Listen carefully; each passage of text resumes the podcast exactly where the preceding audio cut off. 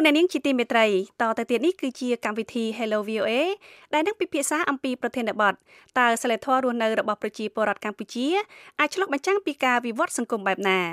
ហើយវាគ្មិនរបស់យើងនៅរាត្រីនេះគឺលោកប៉ាចាន់រឿនប្រធានមជ្ឈមណ្ឌលទស្សនវិជ្ជាអនុវត្តនិងសិលធម៌កម្ពុជាហើយក្រោយពីកម្មវិធី Hello VOA នេះលោកភីសុភីដានឹងជួនព័ត៌មានអន្តរជាតិសង្ខេបបញ្ចប់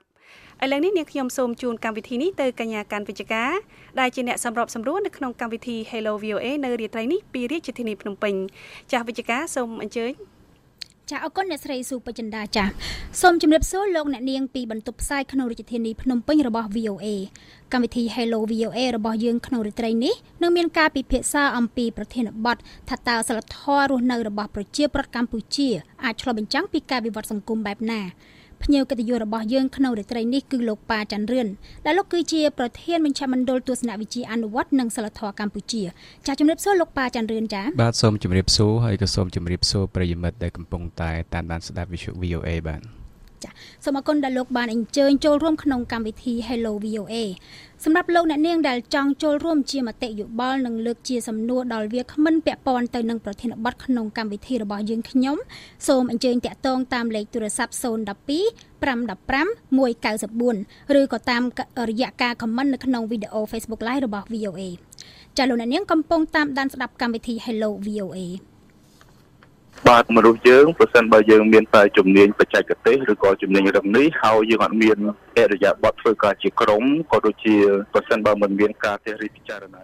ជាជារឿយៗយើងតែងតែមើលឃើញថាមានការលើកឡើងអំពីស្ថានភាពនៃសិលធម៌រស់នៅរបស់ប្រជាពលរដ្ឋកម្ពុជាក៏ដូចជាសិលធម៌សង្គមនៅក្នុងពេលបច្ចុប្បន្នពាក់ព័ន្ធទៅនឹងការបើកបរការចោលសម្រាមការប្រើប្រាស់ពាក្យសម្ដីមិនសមរម្យព្រមទាំងការប្រើប្រាស់អំពើហិង្សាផ្សេងផ្សេងហើយកន្លងមកនាងខ្ញុំបានចូលរួមនៅក្នុងកិច្ចពិភាក្សាមួយចំនួនពាក់ព័ន្ធទៅនឹងស្ថានភាពសិលធម៌របស់ពលរដ្ឋហើយនិងសង្គមនៅកម្ពុជា ដោយមានការលើកឡើងមួយចំនួនថាស្ថានភាពសិលធម៌ពលរដ្ឋនៅកម្ពុជា មានភាពប្រសើរឡើងឯចំណែកការលើកឡើងមួយចំនួនទៀតហ្នឹងគឺថាសិលធម៌របស់ប្រជាពលរដ្ឋមានការធ្លាក់ចុះនឹងខ្ញុំចង់សុំសួរទៅខាងលោកប៉ាច័ន្ទរឿនវិញថាតើសិលធម៌រស់នៅរបស់ប្រជាពលរដ្ឋកម្ពុជាក៏ដូចជាសិលធម៌សង្គមកំពុងស្ថិតក្នុងស្ថានភាពបែបណាហើយបង្ហាញឡើងនៅតាមក្រោមរូបភាពអ្វីខ្លះហើយអាចឆ្លុះបញ្ចាំងបែបណាទៅដល់ការវិវត្តក្នុងសង្គមកម្ពុជាសូមអញ្ជើញលោកប៉ាច័ន្ទរឿនមានប្រសាសន៍បកស្រាយចា៎បាទសូមអរគុណបាទសូមអរគុណជាថ្មីម្ដងទៀតចំពោះបងអូនវិជ្ជការនិង VOA ដែលបានផ្ដល់ឱកាសឲ្យខ្ញុំចូលរួមនៅក្នុងកម្មវិធី Hello VOA ថ្ងៃនេះជាការពិតគឺនៅស្រុកយើងកាលណាខែប្រាំងហើយពេលភ្លៀងម្ដងម្ដងហ្នឹងគេហៅថាភ្លៀងកក់ខែហ្នឹងគឺជាឱកាសកម្រហើយចំណាយការលើកយកប្រធានបទតកតងនឹងរឿងសិលធម៌សង្គមមកនិយាយតាមវិទ្យុតាមប្រព័ន្ធផ្សព្វផ្សាយហ្នឹងក៏កាន់តែកម្រទៅទៀតស្រុកយើងអញ្ចឹងបានខ្ញុំសូមថ្លែងអរគុណជាលើកទី2 អឺបើពិនិត្យមើលអំពីការអភិវឌ្ឍនៅក្នុងប្រទេសកម្ពុជាយើងក្នុងរយៈពេលជាពិសេសគឺ2ទសវត្សរ៍កន្លងមកនេះក្រោយពីយើងទទួលបានសុខសន្តិភាពយើងសង្កេតឃើញថាការរីកចម្រើន ផ្នែកសេដ្ឋកិច្ចនិងការរីកចម្រើន ផ្នែកសម្ភារៈនៅក្នុងស្រុកយើងមិនចាញ់ការរីកចម្រើននៅក្នុងប្រទេសមួយចំនួនទេបើសិនជានិយាយពីកម្រិតនៃការរីកចម្រើនណាបាទ ប៉ុន្តែបើសិនជាយើងនិយាយអំពីគុណភាពនៃការរីកចម្រើនអានឹងគឺជារឿងមួយផ្សេងទៀតហើយជាពិសេសគឺបើសិនជាយើងប្រៀបធៀបការរីកចម្រើន ផ្នែកសម្ភារៈនៅក្នុងសង្គមនិងស្មារតីរបស់ប្រជាជនយើងនោះយើងឃើញថា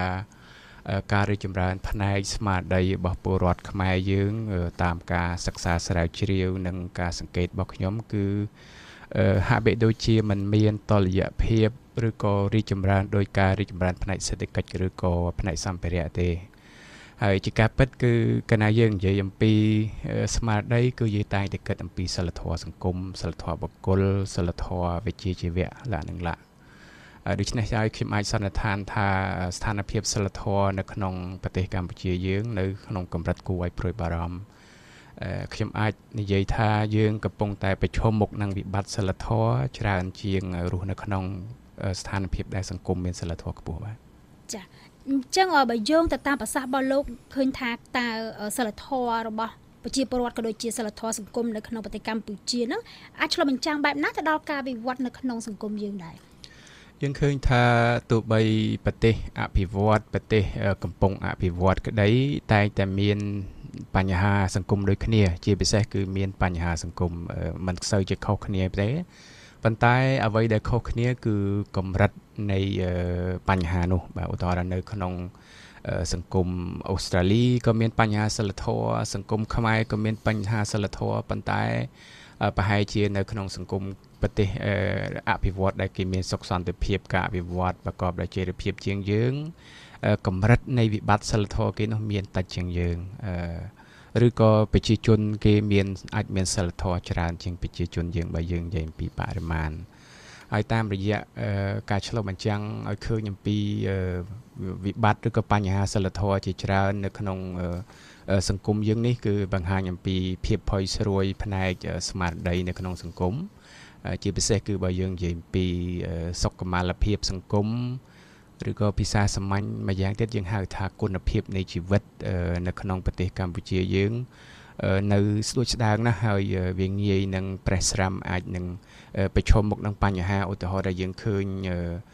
ព្រឹត្តិការណ៍មួយចំនួនតាក់ទងនឹងគ្រោះថ្នាក់ចរាចរណ៍ពេលខ្លះมันបានប្រជាជនយើងមួយចំនួនมันបានសួររកហេតុផលនៃណាខុសនៃណាត្រូវទេអ្នកខ្លះដោយសារតែកំហឹងហ្នឹងគាត់ងាកទៅវាយមិនដឹងថាអ្នកនោះជាជនរងគ្រោះពិតប្រាកដជាចោរពិតប្រាកដឬក៏គ្រាន់តែជាចោរដែលចោតប្រកាន់អ្នកខ្លះទៅគ្រាន់តែមានគ្រោះថ្នាក់ចរាចរណ៍យើងឃើញករណីជាច្រើនគឺមានការវាយតប់រហូតដល់ជនរងគ្រោះនឹងបាត់បង់ជីវិតក៏មានដែរបាទ ចាអរគុណច្រើនលោកប៉ាច័ន្ទរឿននៅថ្ងៃច័ន្ទនេះនាងខ្ញុំក៏បានសួរទៅកាន់លោករស់សុវិចាដែលជាអ្នកនាំពាក្យក្រសួងអប់រំដោយលោកសុវិចាហ្នឹងគាត់បានហៅសិលធម៌សង្គមនេះថាជាជំនាញទុននិងថាគឺជាជំនាញដែលសំខាន់សម្រាប់មនុស្សគ្រប់រូបក្រៅពីជំនាញរឹងដែលគាត់ហៅថាគឺជាជំនាញធម្មតាហើយយើងមើលឃើញថាយ៉ាងណាក្តីលោកមិនបានឆ្លើយតបទៅនឹងសំណួរថាតើសិលធម៌សង្គមហ្នឹងមានភាពប្រសើរឡើង ជាងមុនឬមួយក៏អន់ថយជាងមុននោះទេដោយលោកគ្រាន់តែបញ្ជាក់ថាក្រសួងអប់រំកម្ពុជា មានគោលនយោបាយនៅក្នុងការពង្រឹងសិលធម៌សង្គមហើយនិងសិលធម៌ពលរដ្ឋនេះឲ្យកាន់តែមានភាពប្រសើរឡើងទៅតាមរយៈការបញ្ចូលនៅក្នុងកម្មវិធីសិក្សាផ្សេងផ្សេងដើម្បីបានជ្រាបថាតើលោករស់សុវិចាលើកឡើងអំពីអត្ថប្រយោជន៍នៃសិលធម៌សង្គមល្អយ៉ាងណាខ្លះសូមលោកអ្នកនាងស្ដាប់សម្រងសម្ដីរបស់លោកដូចតទៅចា៎ បាទមនុស្សយើងប្រសិនបើយើងមានតែជំនាញបច្ចេកទេសឬក៏ជំនាញរឹងនេះហើយយើងអត់មានអរិយាប័ត្រធ្វើការជាក្រុមក៏ដូចជាប្រសិនបើមិនមានការទេសរិះពិចារណាជ្រាលជ្រៅគឺធ្វើឲ្យយើងមានការខ្វះខាតនៅក្នុងការបំពេញការងារប្រចាំថ្ងៃក៏ដូចជាការងារប្រចាំស្ថាប័នរបស់យើងដែរជំនាញទុននេះគឺធ្វើឲ្យបុគ្គលចេះធ្វើការជាក្រុមក៏ដូចជាធ្វើឲ្យបុគ្គលនោះចេះសហការហើយនឹងឲ្យតម្លៃគ្នាទៅវិញទៅមកកាន់តែមានប្រសិទ្ធភាពនៅក្នុងការប្រើប្រាស់ចំណេញរឹងរបស់បុគ្គលនីមួយៗបាទចាលោកនាងកំពុងតាមដានស្ដាប់កម្មវិធី Hello VOA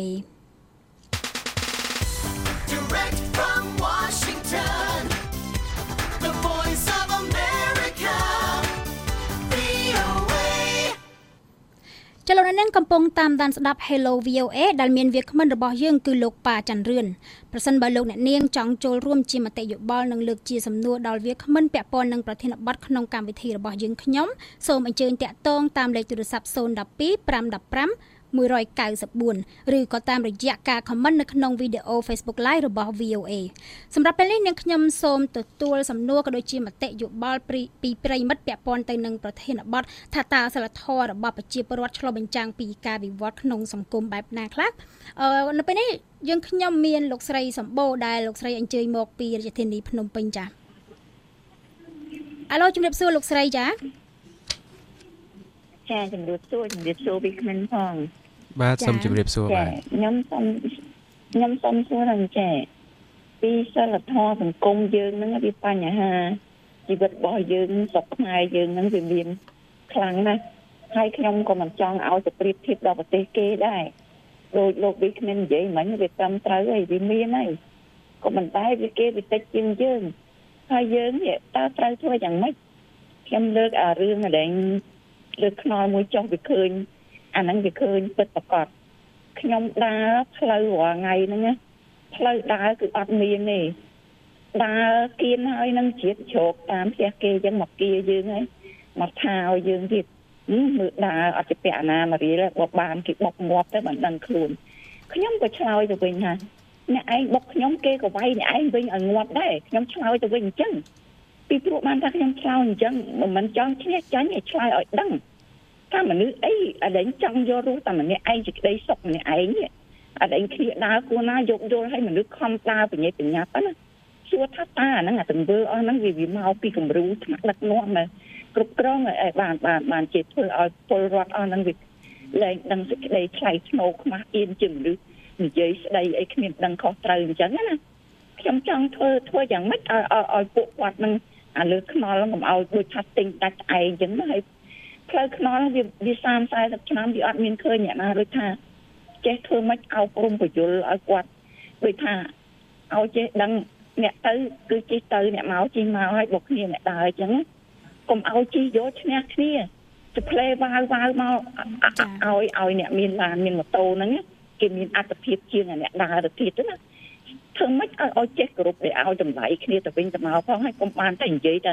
តែសម្ដីល្អហើយតែការ ការពិតគឺគឺអនុវត្តគ្មានគឺគឺពុះពុះពុះពលប្រេផ្សៃជាងជាងអ្វីទាំងអស់ខ្ញុំចង់ចង់ថាលើកខ្នល់ហ្នឹងកុំឲ្យឡានកុំឲ្យម៉ូតូធ្វើជាចំណតអាដែងឲ្យលើកខ្នល់ហ្នឹងអាអាស្អីគេគេគេធ្វើអាដែងអាឯកជនអឺពួកក្រុមផ្សារក្រុមអីហ្នឹងគេដាក់ម៉ូតូដាក់កង់អីចឹងណាលើកខ្នល់គឺមានគ្រប់ទីកន្លែងទាំងអស់ខ្ញុំសូមសួរថាឥឡូវធ្វើយ៉ាងម៉េចខ្នល់ហ្នឹងកុំឲ្យមានអាដែងចំណត ចំណតឡានចំណតម៉ូតូអីពេញលើខ្នល់ចឹងហើយសូមឲ្យបានធ្វើម៉េចអ្នកដើរនឹងគ្នាគ្នាបានដើរដោយដោយដោយដោយមានដូចថា មានស្មារតីហើយមានដេញដេញចិត្តចង់ដើរកុំឲ្យគ្នាងើបឡើងគឺដាក់ចង់ដើរទៅពេទ្យអីចឹងធន់ទ្រាំធន់ថប់មែនណាចំពោះគ្នាដែលអត់លុយហើយគ្នាមានជំងឺហើយដើរទៅមកជួបប្រទេសអញ្ចឹងអញ្ចឹងទៀត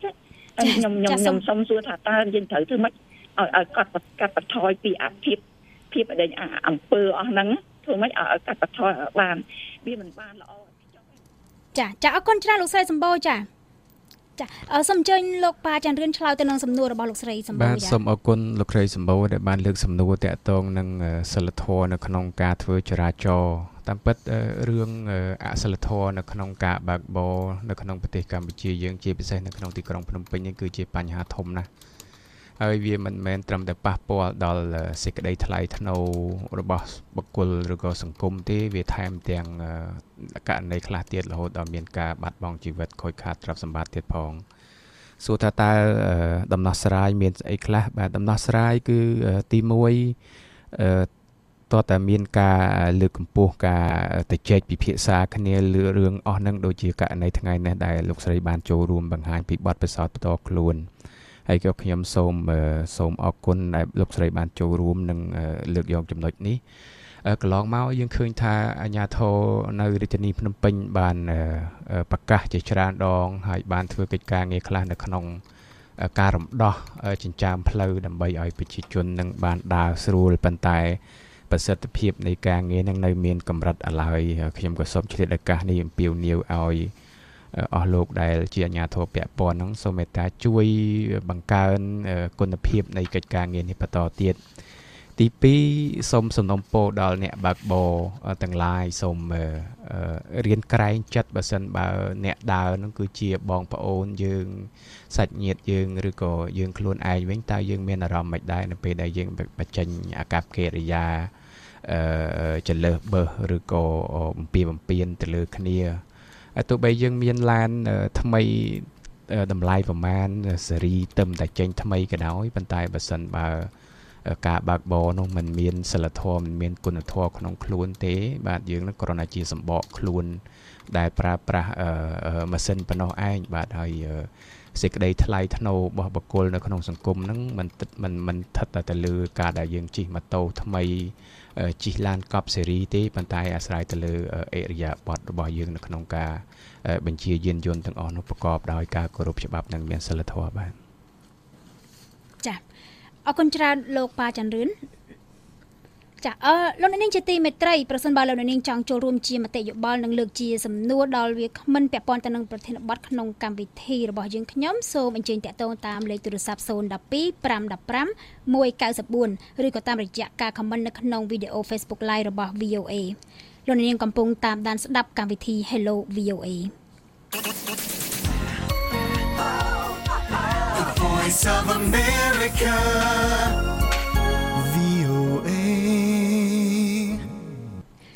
ចចិនខ្ញុំសូមទទួលសំណួរនឹងការបញ្ចេញមតិយោបល់បន្ថែមពាក់ព័ន្ធទៅនឹងប្រធានបទរបស់យើងខ្ញុំនៅពេលនេះយើងមានលោកវិសាលមកពីខេត្តកំពង់ចាមសូមជម្រាបសួរលោកវិសាលចា៎បាទអរគុណជំរាបសួរដល់អ្នកសម្របសម្រួល VOA ជំរាបសួរដល់វាគ្មិនផងបាទអរគុណបាទជំរាបសួរបាទ បាទ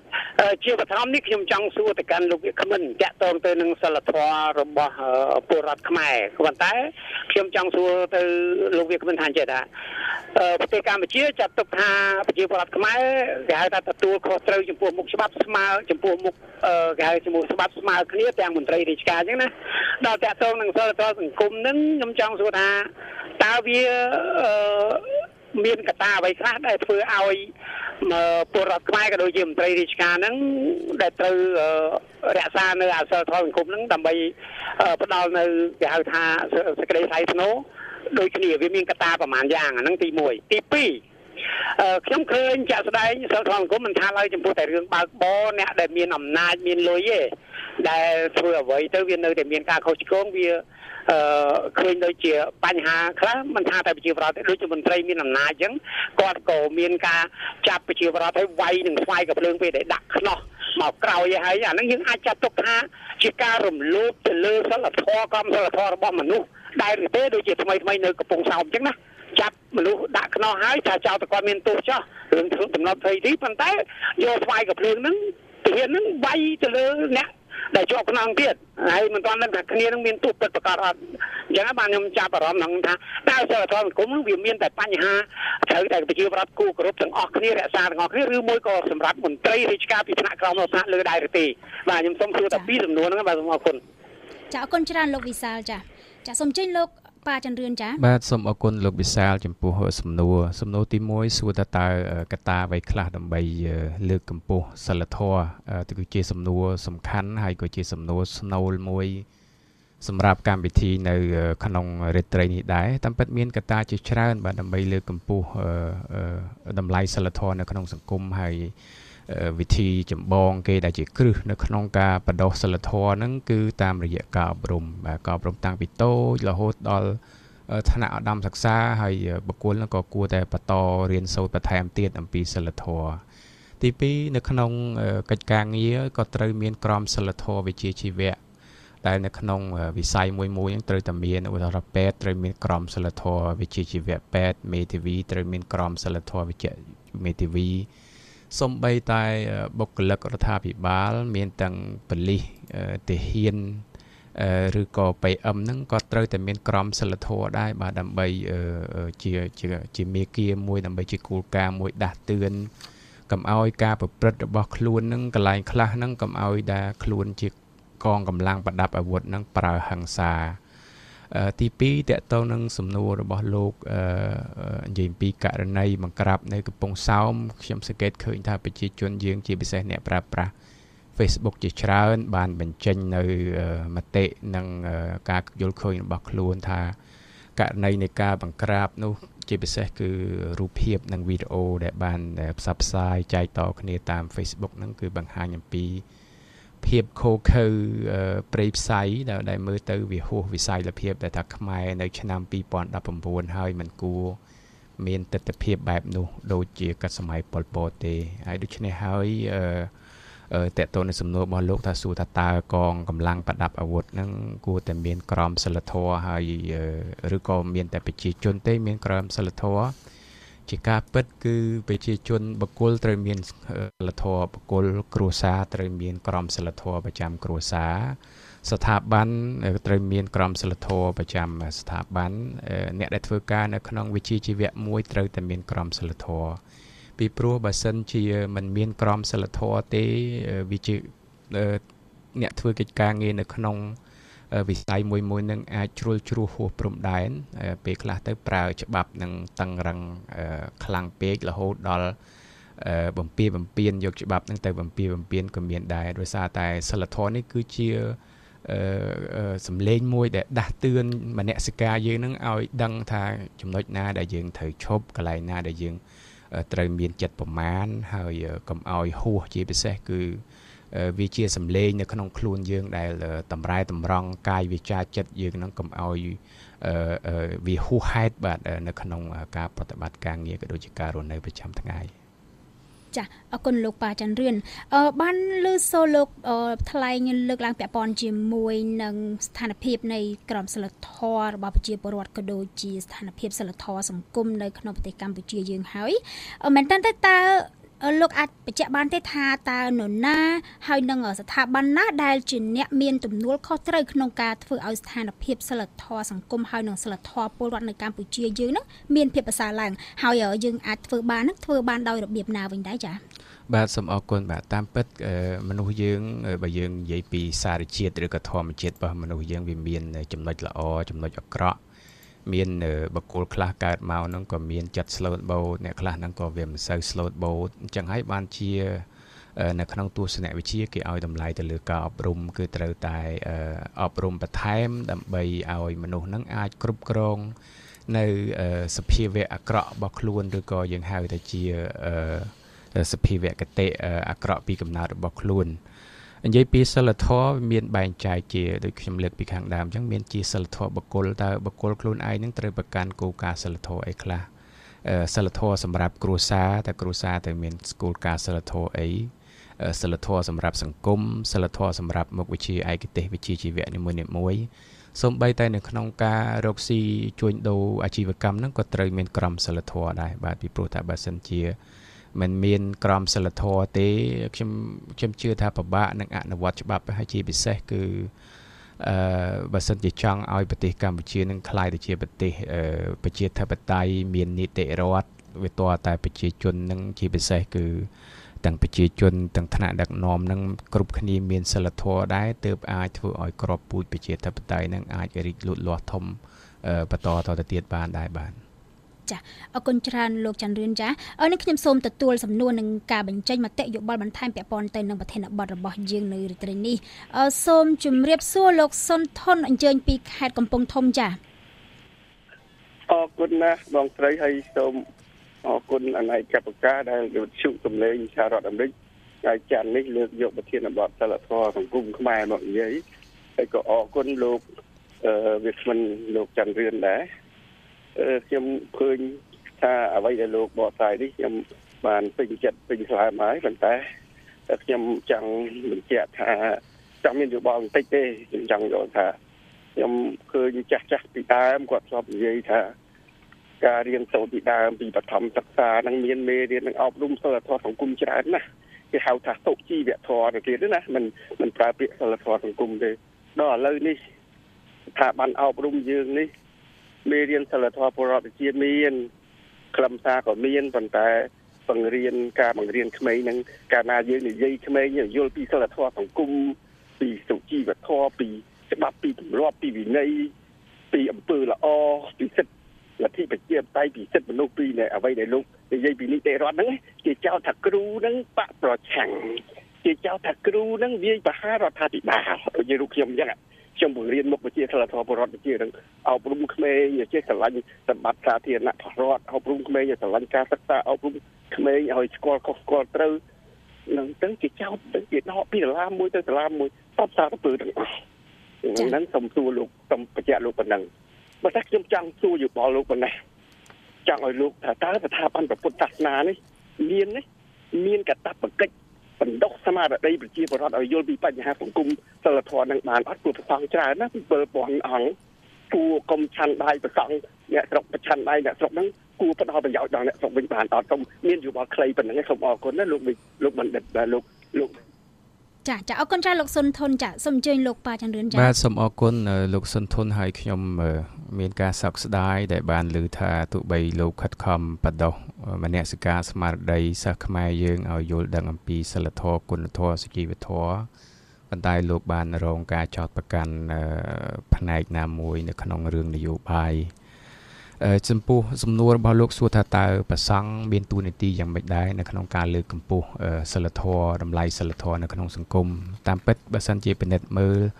អំពីស្ថាប័នធំធំដែលជាគ្រឹះនៅក្នុងការលើកកម្ពស់សិលធម៌ហ្នឹងគឺមានគ្រួសារបាទសាលារៀនស្ថាប័នសាសនា និងស្ថាប័នសង្គមជាពិសេសគឺរដ្ឋាភិបាលដែលប្រសង់នឹងហើយគឺជាអ្នក ប្រកាន់នៅគោលការណ៍សិលធម៌ខ្ពស់ជាងគេនោះបាទដែលខ្ញុំតែងតែនិយាយថាប្រសង់ហ្នឹងគឺជាដូចជាទូតនៃសិលធម៌អញ្ចឹងបាទគឺជានិមិត្តរូបនៃសិលធម៌ពីព្រោះថាបើសិនជាប្រសង់ហ្នឹងមិនមិនមិនប្រកាន់ភ្ជាប់នៅគោលការណ៍សិលធម៌មិនមិនធ្វើជាគំរូល្អ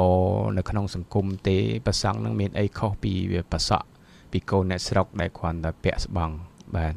ដូច្នេះហើយតួនាទីប្រសង់នៅក្នុងការលើកកម្ពស់សិលធម៌នេះសំខាន់ណាស់ទាំង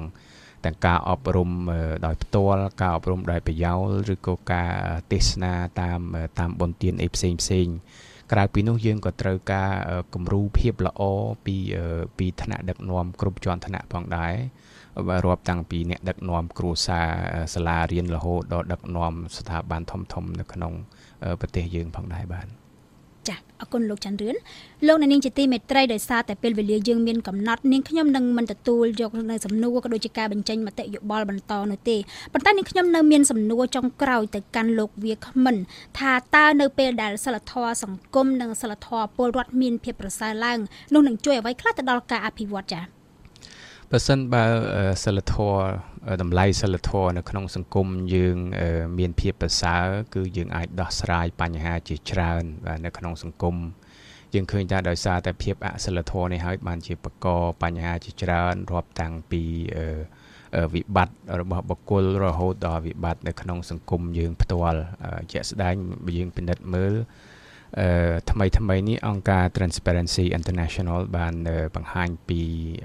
របាយការណ៍មួយនិយាយពី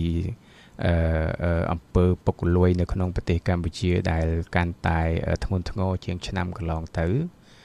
ដែលវាឆ្លុះបញ្ចាំងផងដែរអំពីស្ថានភាពសិលធម៌នៅក្នុងប្រទេសយើងបើសិនបើពលរដ្ឋទាំងពលរដ្ឋធម្មតា ទាំងអ្នកធ្វើការគ្រប់ស្ថាប័នគ្រប់វិស័យមិនមានសិលធម៌នៅក្នុងខ្លួនទេ